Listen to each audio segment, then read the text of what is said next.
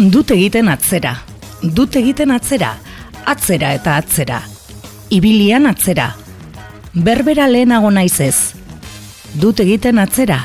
Atzera karramarroaren ni atzera bidean. Aurrera denbora eta nabil ametzetan. Atzera ametzetan. Esnagailua jodu. Ekarri dut aldera. Zeiterdiak dira. Ametza amaitu da. Atzera ere, lanera. Tximeletrak, Xavier Rolaso. Gabon entzule, eguerdion guere atzera batoz, Bilbo iria irratiko sintoniara. Hauze piperpoles duzue. Bilbo iria irratiko kultura artefaktua. Aste arte eta eguaztenetan Bilbo iria irratiko sintonian, eta arrozazareko zeure irratian ere. Ongi etorriak.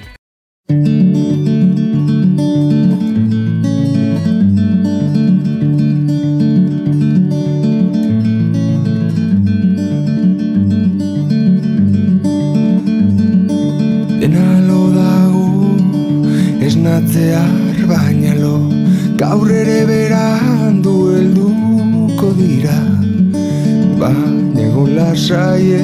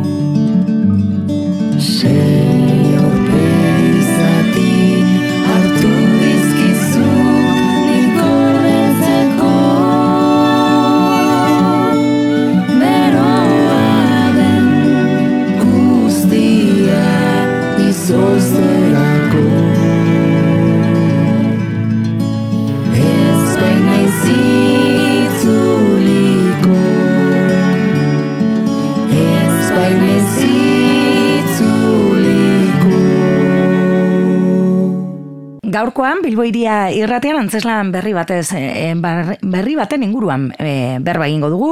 Manifestu bat e, beko larrainek aurkezten duena ostiralean e, aur, aurkeztuko dute ostiralean da e, estreinaldia irurtzunen eta igandean lezakan ere eskainiko dute manifestu bat gaizka sarasolaren testua eta aktore eta zuzendaritza lanetan miren tirapu eta e, ensaioan bertan iaia rapatu dugu.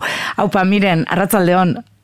Kaixo, arratsaldeon. Bueno, azken txampan sartuta zaudela kontatu diguzu, ez? E, azken egun horiek Bai. pizka bat izaten dira, ez? Ensaio, ensaio, ez? Bai, bueno, hain dena prestatzen ez, ostiraleako. Da, hori estreno batek ematen ditun derrio hoiekin, baina, bueno, pozik eta ja konpartitzeko gogokin. Mhm.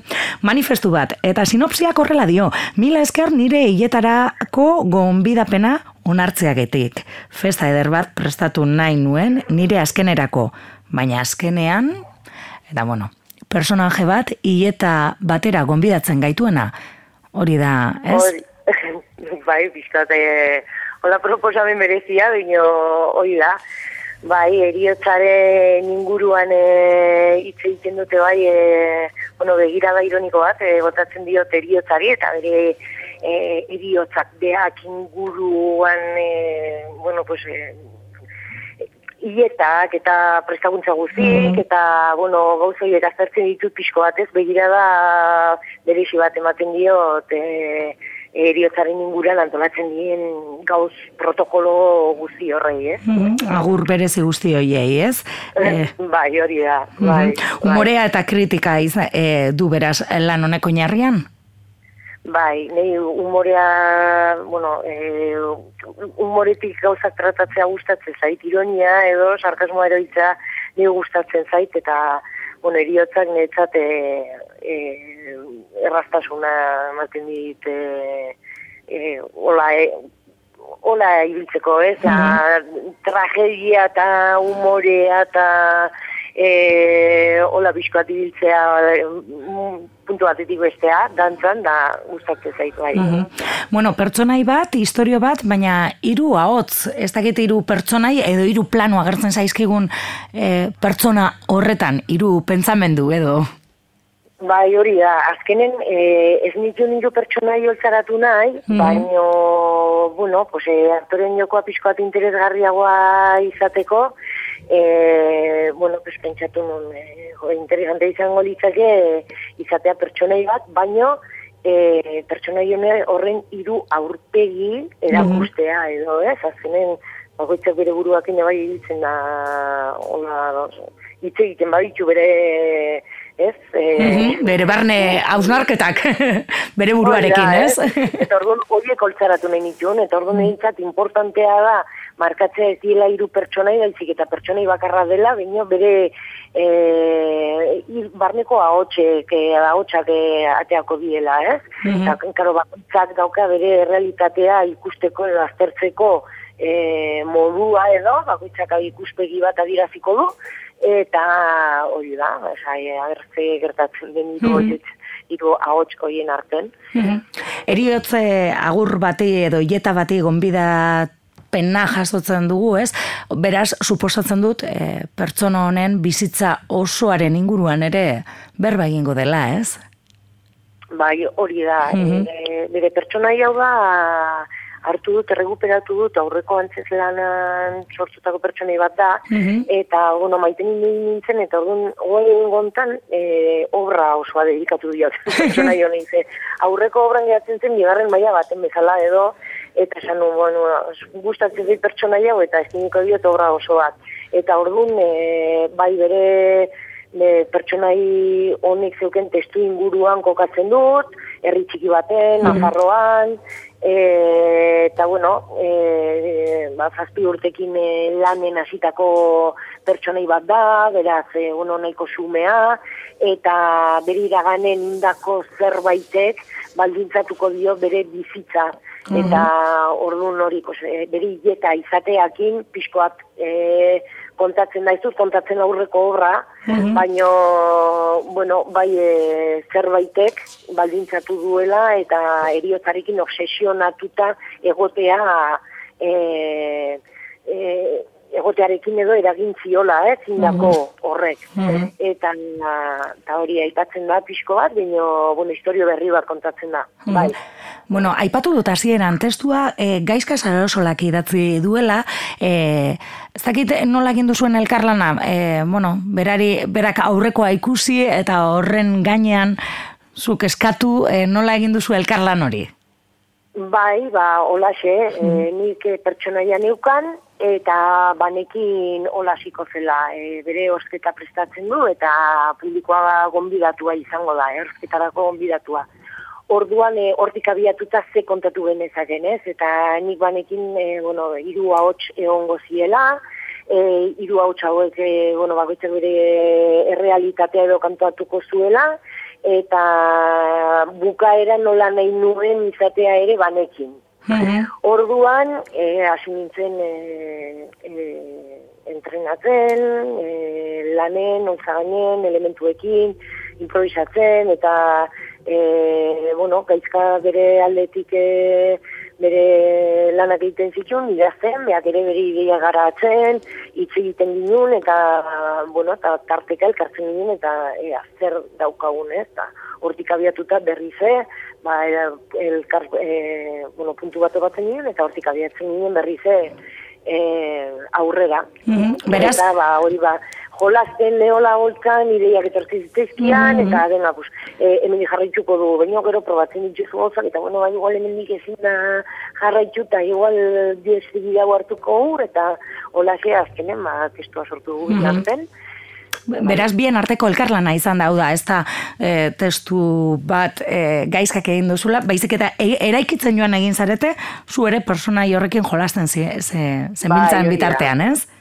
Bai, hori da, ze azkenen, e, karo, hasiera baten, e, bueno, ni hasi nintzen jolasten eta e, bera idazten, ez, ordu, Mhm. e, karo, e, nik de repente gauz interesgarriak topatzen nituen, eta esaten, jo, gaizka, ba, hemendik abiatzen baldin bada, interesante izango litzeke, eta, dena, ba, orduan, hola bai elkarlana izan du da. Mhm. Bai. E, bueno, zuzendaritzan eta aktore lanetan e, zabiltza, e, bueno, pizka bat korapiatzua barruan eta kanpoan ibiltea, ez?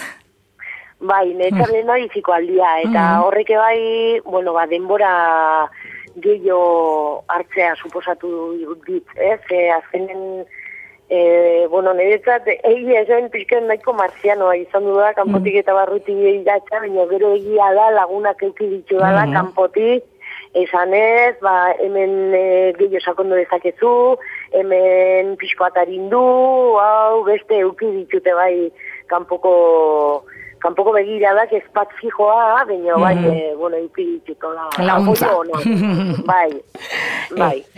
E, bueno, e, formatu txikiko antzeslana da, e, bakarrizketa esateran joan, baina agian hiru hotz e, agertzen zaizkigunek, ez, e, ez da bakarrizketa izango. Baina, bueno, e, holtzan bakarrik agertuko zara, hori bai. Bai, beste behin. Bai. Aurrekoan e- erronka bakarrik oltzara ego- egotea zen, eta oengoan kanpoan eta barruan egotea, eta hola, hori izan dudan ere erronka oengoan, bai. Mhm.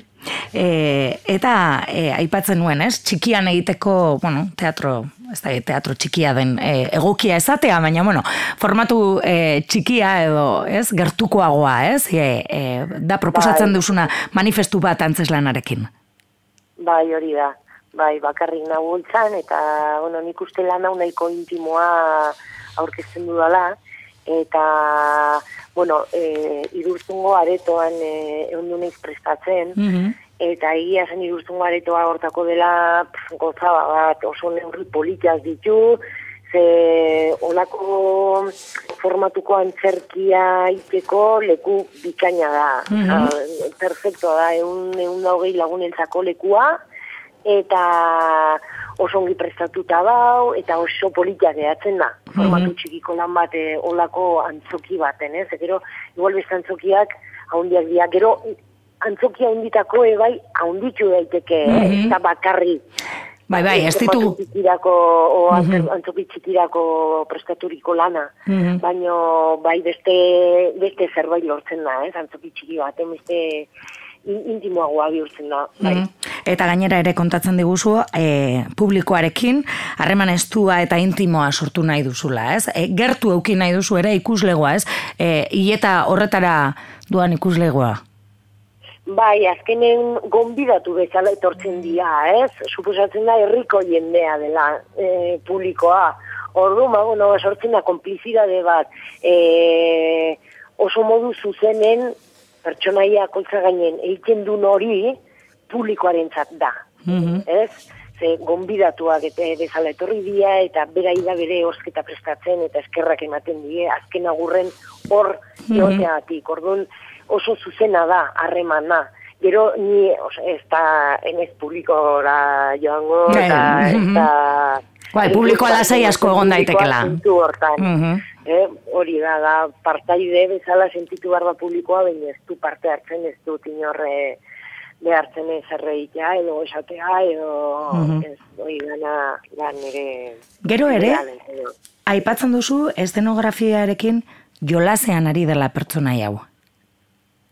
Bai, bai, azkenen e, estenografia oso modu simple baten aurkezten duta kaja bat eta argitxo bat.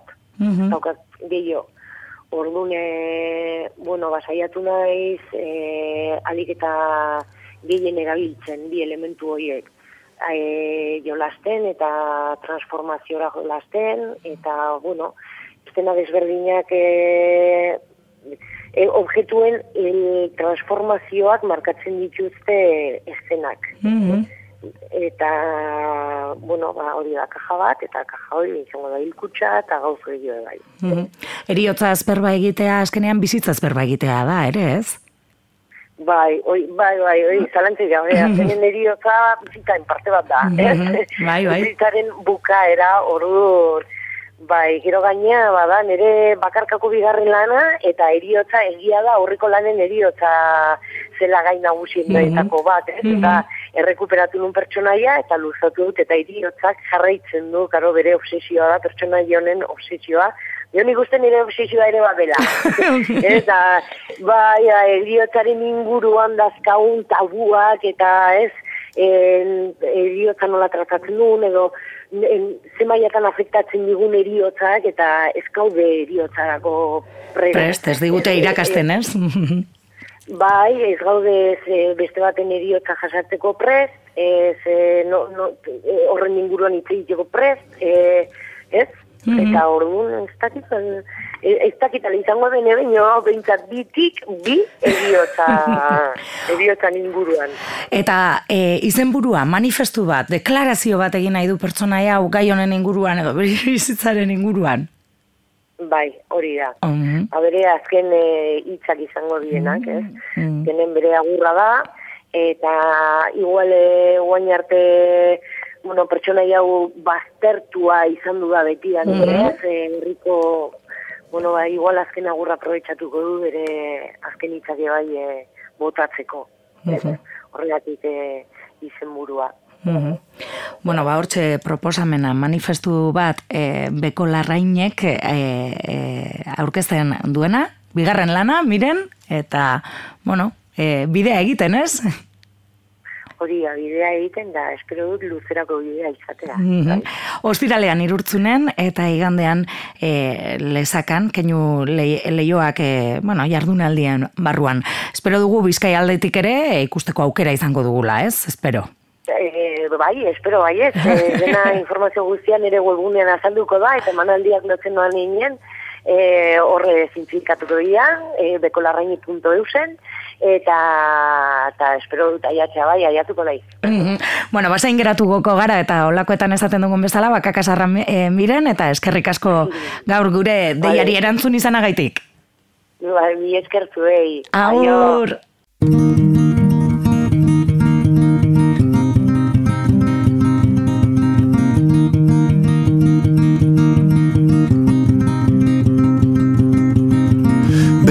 bakar ditzen zioten. Behin bere gelan sartu zen. Ikusitako azken eguna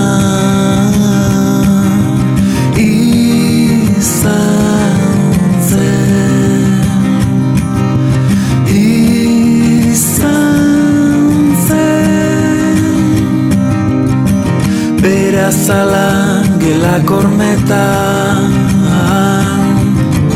Gutxinaka urtu zen.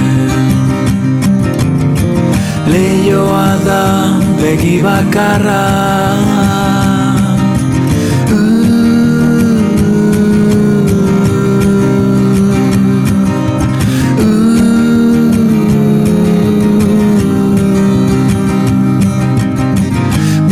bakarraren gela deitzen dute. Argitu gabe dagoen galdera hau da Ez dote zen bertan eta gela zen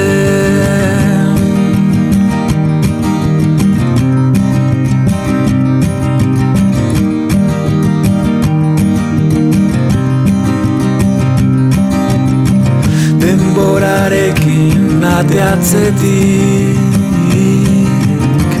Erantzunak isildu ziren. Inoralzen horatzean Galetzen nuen. Galdetzen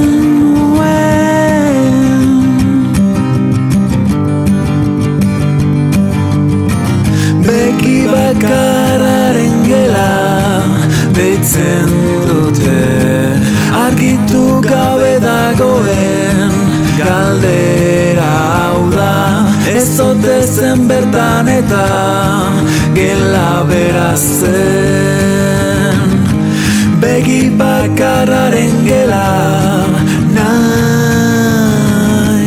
Erantzun gabe dagoen naiz. Ez ote nintzen bertan gela bera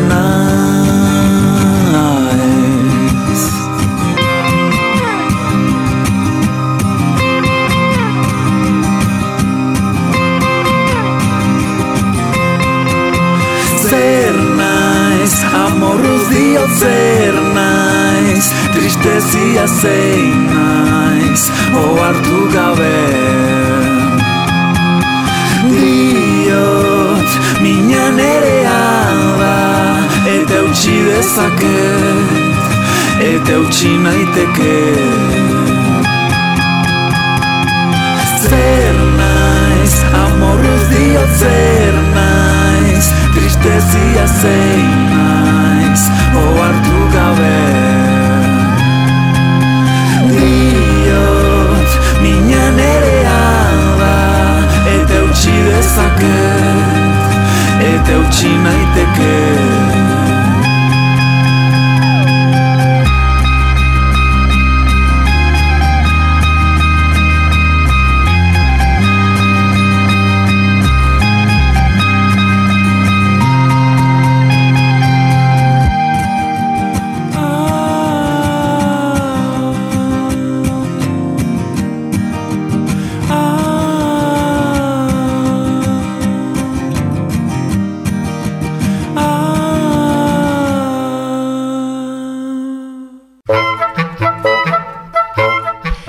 Iritzien postontzia, jontro jope amabostean behin. Bekatu ez. Jaunartze egin zuen horietakoa naiz, jauna hartzea. Hori ere esan behar da gero. Antzeslan batean, gure popa eskaintzeko, oh, bai, arga itzazu jauna, zureak gara eta esaten genuen.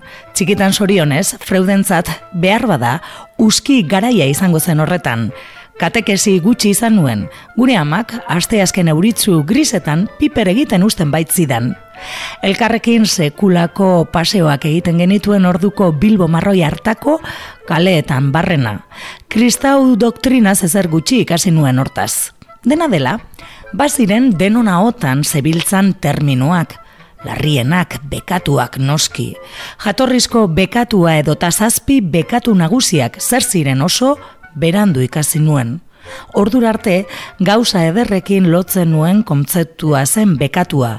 Gure izeko batek, jakionak jan edota ardoa edatean, beti ezaten baitzuen, esto es un pekado. Niretzat, pekao, eta mantekau parekoak ziren.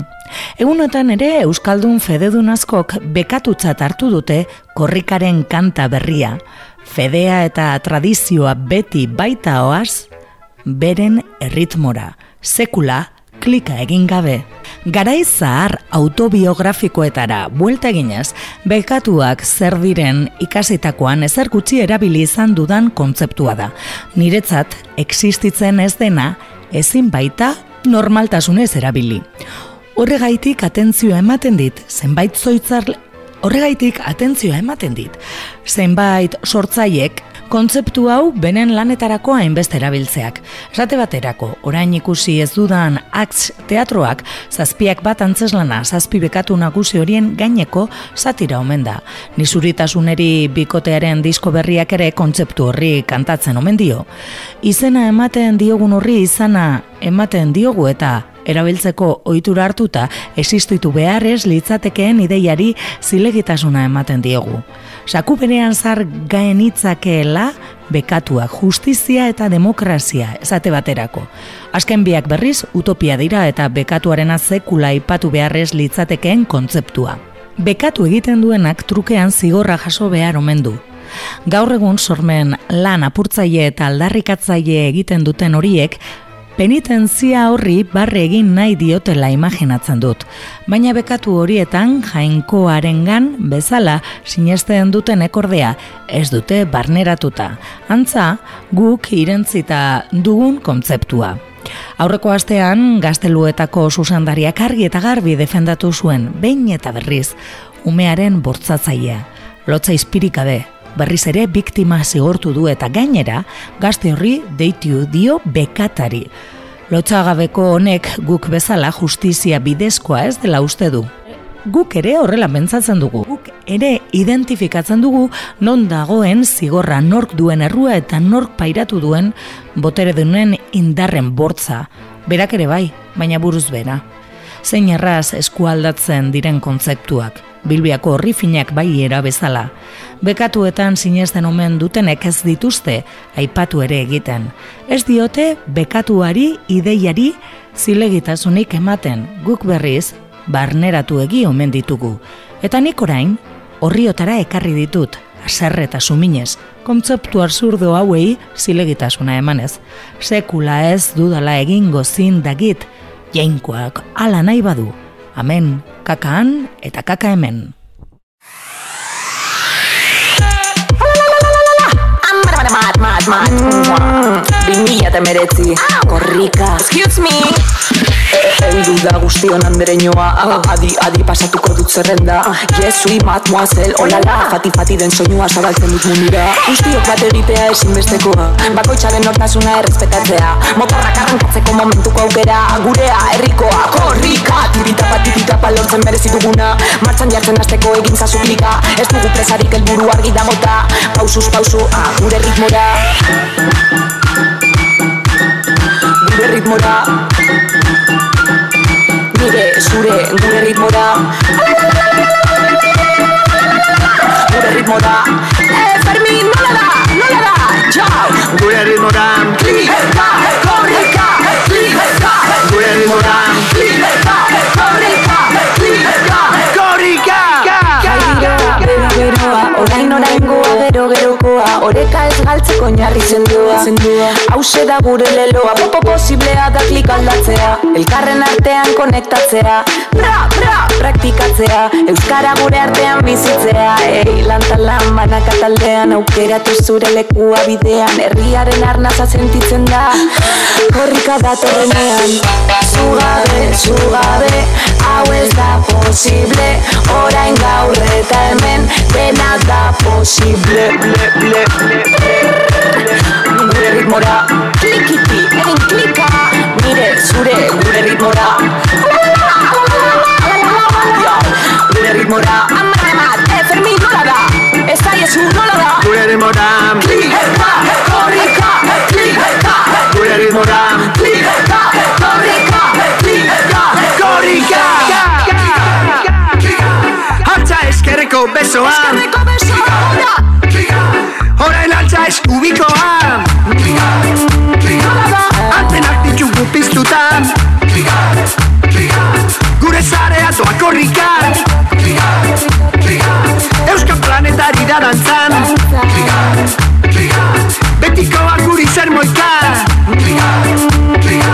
Euskara zingo dietzirika Euskara zingo dietzirika Antenak ditugu piztuta Naturalaren gorputzean. Kantabriko brisa bardetako ziertzoa Gure borrokatiko jarritzeko auskoa Pistafituko duen matxapestu dadila Herri feminista taskearen alde pizza Lekukoan eskatzari eman dioten Amameka osaltzatu dezatela ozen Afekta sentitzeko Komunikatzen den herri bat ez ainoiz atituko.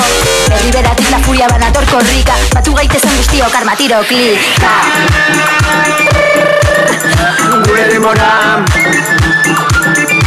demoran Nire zure Gure demoran Klika, korrika, klika Gure demoran Klika, korrika, klika Gure demoran Klika,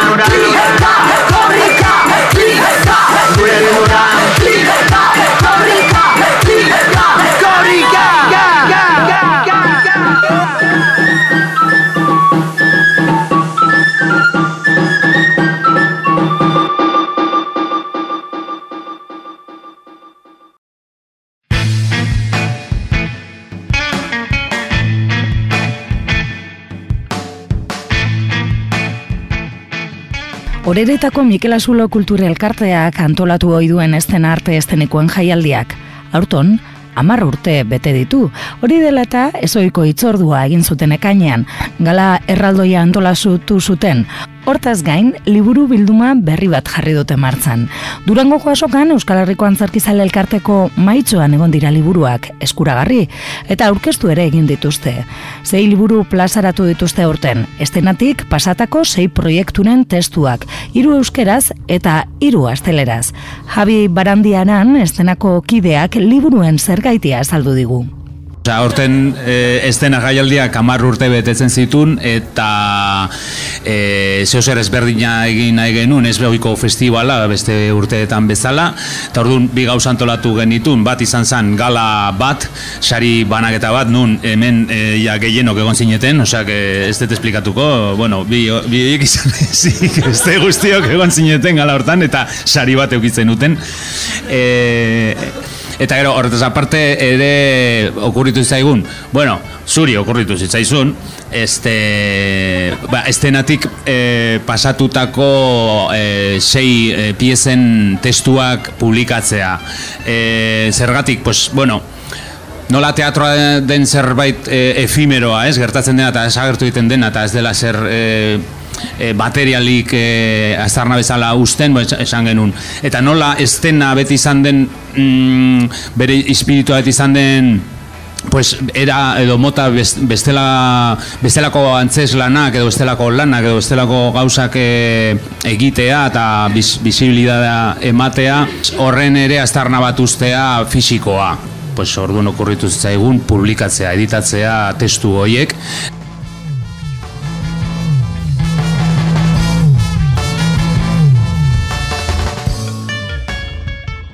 Aipatu bezala, sei liburu, sei titulo argitaratu dituzte, plazaratu dituzte. Egun hauetan, agortu den Ametzen Faktoria, Jose Martin Urrutia Txotxerena. Txotxe Euskal Antzerki zuzendari eta idazle ezaguna izan da Euskal Teatroan. Urte luzez, Durangoko karrik antzerki taldearekin elkarlanean jardun dena. Txotxe aurten zendu da, eta hori dela eta haren lana omentzeko eta aldarrikatzea izan du xede liburu honek. Karrik antzerki taldeko lagunak Ametzain Faktoria lana aurkeztu digute. Ba, metxen faktoria kontatzen da bena da guztiok gauero errekara botaten dugu zan, ametsak, eh, eskutitz bukatu gabeak, ipuinak, desioak, konta ezinezko desioak eta barrak, itxasora botaten dugu zala eta ume zurtz joeten diela, ez? Eta orduen ba, hor dauela fabrikako langile kuadrilla bat, horrek batu egiten da bezenak eta taulan bizitza eta forma emoten dotzena. Eta orduen hori izan guk e, ametxen faktoriaren bitartez plazaratzen genduna. Eta gainera hor tartean e, errekatik hartzen gendun zutxo horretatik plazaratzen genduna zan, e, antzeslea izatea nahi zuen e, neskatila baten historioa, bere gurasoenkin sortzen zen horre tirabira horrek eta bueno, pixkat guzti hori. Aldi berean bebai bada anekdotikoa, ze aurretik entozan e, martxoako geta maika itetik, e, Durangoko bonbarrak eta bia puntutzat hartu eta arrakastatxua izan zen obra batetik, eta bertan fusil batzuk erabiltzen gendu zen, ini utilizaute esan fusil batzuk, eta horrekin anekdota bat eukin gendun, e, bueno, korreos bieldu gendu salako eta abar, eta guardia zibilakin eta dana, horri historia bat eukin gendun, eta txotxe, aina bila zan horretan, hori behi, e, isladatzen dala testuan, eta hori behan zestu gendu, orduan Bai. basan oso... Badauz pasarte, pasarte bat edo bi dauz Guardia Zibilari buruz, eta berez, guzurre moten dago, eta esaten dago, osea, baina, zelan da, e, la ficción, no, la realidad supera la ficción, oso antzerakoak diez, osea, esaten diren eh, esaldizek, guzurre moten badau be, txotxeketan nik entzun indoguz, esan indozku ez, horrek, esaldizo. Baina bai ikusten gendun igual, ametxen faktoria zala, e, ba, txotxeren obretatik, edo, bueno, txotxeren obra guztietatik, ba, erakusgarriena bere obra zelakoa zan, e, erakusteko, ez? E, zapoi adibidez, ba, testu nahiko eguesan hartutakoak, normalean guk egiten dugu, bueno, egit, e, txotxeren testuak egiten egiten dugu, Eta orduen zapoik ba zen, ba, kanpotik hartutako testu zatitxuek eta, eta orduen ba, ba, iruditu jakun ametsen faktoria zala benetan, Osa, txotxek goitik bera, bere, ba hori ez, ametsen faktoria edo antzerki faktoria horren, ba, ez dakit. txurreria beti, berak beti izatea bene, hori, ba, faktoria eta txurreria baten egiten dugu lan antzerkiz egiten dunok, eta guretzako san oso adierazgarrizia ametxen faktoria, ganera hori, ametxen faktoria. Eta uste berak hori, hori isladatzen da bela ametxen faktorian. Eta orduan bai izan zan berezia, ametxen faktoria estrenatu gendun, gainera estrenoa berezia izan zan, errekatik hasten ginen, San Agustin kanpokaldean dauen erreka hori konkistatu gendun, bertan sartzen ginen, hankapalo eta guzti, ilkutxa, almeida, dana, eta orduan basan pixkate berezia zentzu, zentzu guztietan.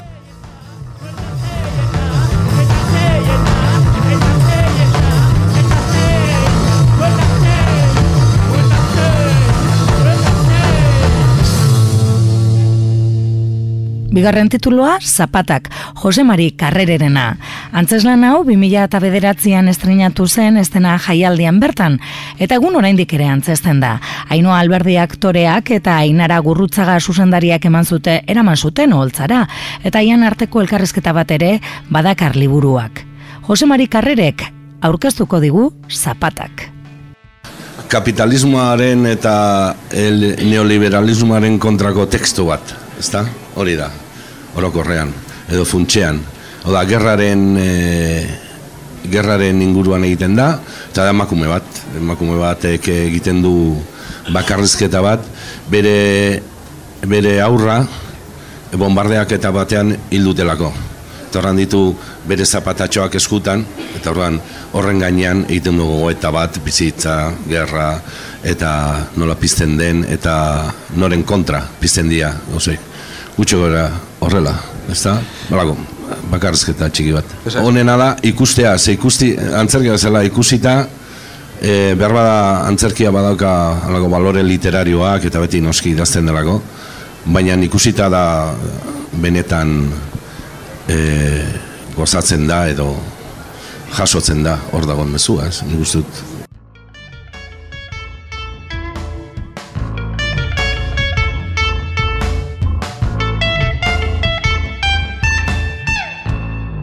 Hirugarren liburua aitaren larrua, tripak kolektiboarena.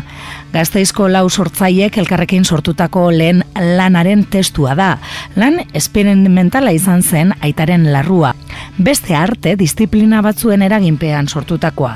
Eta bertan, testuaz gain sormen prozesuari buruzko go eta labur, labur batzuk ere plazaratu dituzte. Maite, tripak kolektibako kideak azaldu digu. Eta hori ba izan zen guretzat esperimentua esela eta ustet hori ikusi zuela jentiak ere ez.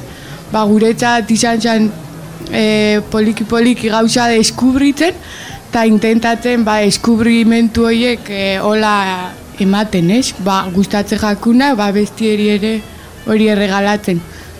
Eta, ba, bueno, historia hasi genuen familia bateri buruz, hiru bakarrik hasi ginen, hiru pertsona, Marina Amaitani, eta familia bateri buruz eh, hasi ginen antzerki zaitzen, baina iruitzu jakulako tema bastante hotza.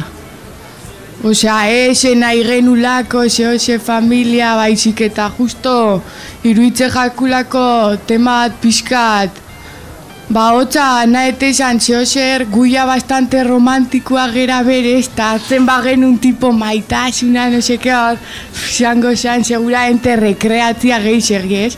Orduan, deskubrimentu bat guk itxeko, ez? benetazkoa ba nahi genuen zeo zer ikutu en principio guretza zan, ba hori, pixkat hotza, misteriosoa, nodino edo, bueno. Orduan familia bat, gainera esan genuen aita eta seme alabak, en vez de ama, amakin igual, ba hiru emakume izan da ez, ba igual sartze zera gehiago berriz, eta gu tripak gehitzen gera ez, orduan beti hor sartzen, ez? Orduan aita aukera hau genuen, ba hori, izalako guretzat, inaccesible haua, misterioso haua, gure hiru aitak oso ezberdina, baina beti hori en plan, tipo hau ze, ze pasatze jako barrutik, ez? Eta orduan, uste, uste egu, ba, hori ba, kagula, ez? Pertsona, gure amakin, olako gauza, ze benetan ezagutzen gera, aina gehi zer ez dakiz eta aita, ez? Bueno, guretzat igual emakume izan da ondiokan eta geixo, ez?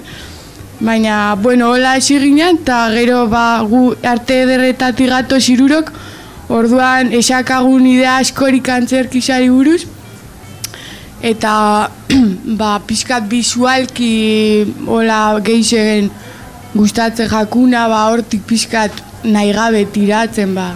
Eta horregatik beragatik, agian arraro egingo zaizue liburuan egotea. Ze zai Bai. esango hablako lan bat e, liburuan islatzea, ez? Bai, hori, lenguan aurkeztu genunean ere izan genuen, hain flipantia izango zen norbaitzek liburu hau hartzea eta gidoia hau intentatzea hitzen, ez? Bueno, edo hitzea, eta berze guretza seguro izango zala beste mundu bat, porque gisa izan da, bueno, hori, ba, e, jentia ateratzen zan batzutan, eta seguramente esuan eser ulertu, osea, eser ulertu nahi esan testua, eser ikusi zuan gauzak, igual, ba, metz baten bezala, edo, bueno, ikuste zu pixkat atmosfera bat, edo, hola, uste txala gehizen igual gelditze jakona pertsonai, baina testua zer esaten genuen, eta gero irakurtze zu ere, eta esate zu. Ez? Ba, idazteko testu hau ere izan zen, bueno, kuriosoa, porque ba hori, e, saia itxe jakun, e, konbertsazio bat idaztia, edo poesia errezagoa ateatze jakun, ba hola, pixka gauza dinamikoak baino, eta orduan azkenia, uf, gure konversazioak zian, ba, joe, tio, no eta hori jarriko egu. Eta orduan dago ere, baina gustatzen gata kontraste handi bat, entre que rebuscao poetiko eta beste momentu batzutan nolako simple eta sin más, eh?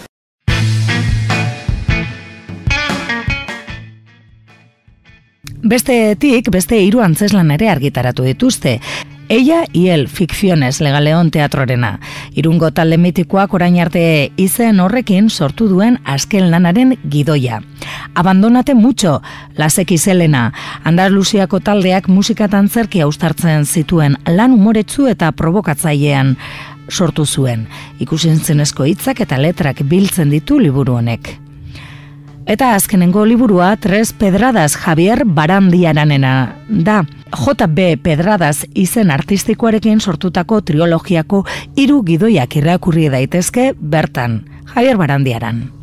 Tres pedradas dira hiru pedrada, osea, eh, nik eh, ba, trilogia bat da, eh, hiru ataleki, atalek eh, osatua, horregatik da trilogia bat, eta, bueno, bas, hiru antzeslan, hiru solo, nireak eh, hor biltzen direnak. Eh, Pepinos podridos en el frío, erderazkoa da, benik idazten dut erderaz, eta antzesten dut erderaz, orduan erderaz. Eh, te- Pepinos podridos en el frigo, no estoy para nadie, eta eh, aquí va venir un cataclismo, el diario de Monse Miguelez. E, orain ja antzesten ez ditudanak, ja hoiek e, apartatu ditut, ja naskatu naiz hoiekin, eta ja beste, beste zerbait berriakin nabil orain.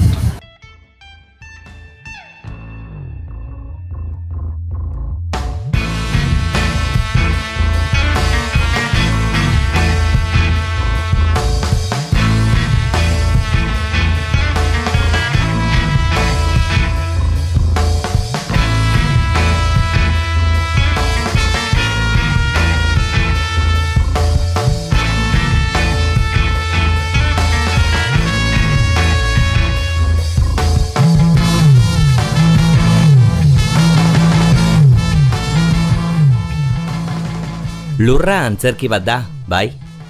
Baina aktore multzo negargarria erakusten du. Oscar Wilde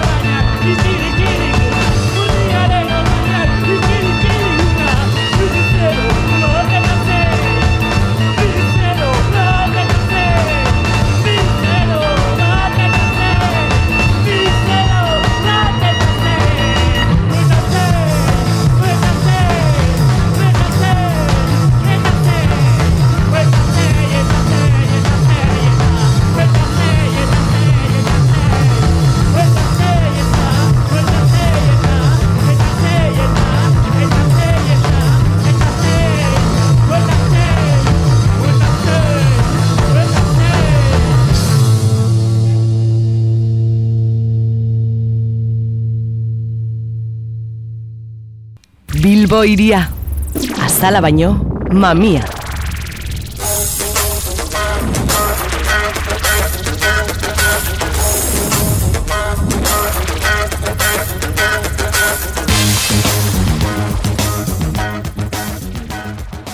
Ezurretaraino bustirik zioan aterkia, euritan kantari, trailari, trailari. Zebrabide batean, trailari, trailari autogorri batek josuen bariletan. Ubira eraman zuten, mina hemen, minahan, eta bertan zendu zen, iluna barraldean. Eta bere eietara, amaikatxo aterkin beltz agertu ziren batera, ilaran burumakur eta bihotzean minbera, eta halako batean euri ari zuen goian behera. Aterkianena. Aterkiarena poemarekin agur ezango dizuegu. Xavier Olasoren tximeletrak liburua izan dugu bidailagun gaurkoan Piperpolizen. Eta zuek ere izan zarete bidailagunak beti bezala Bilbo iria irratian, eta arrosazareko zeure irratian ere noski. Zazpiegun barregu bueltatuko gara, ordura arte bizi pozik eta izan zoriontzu agur.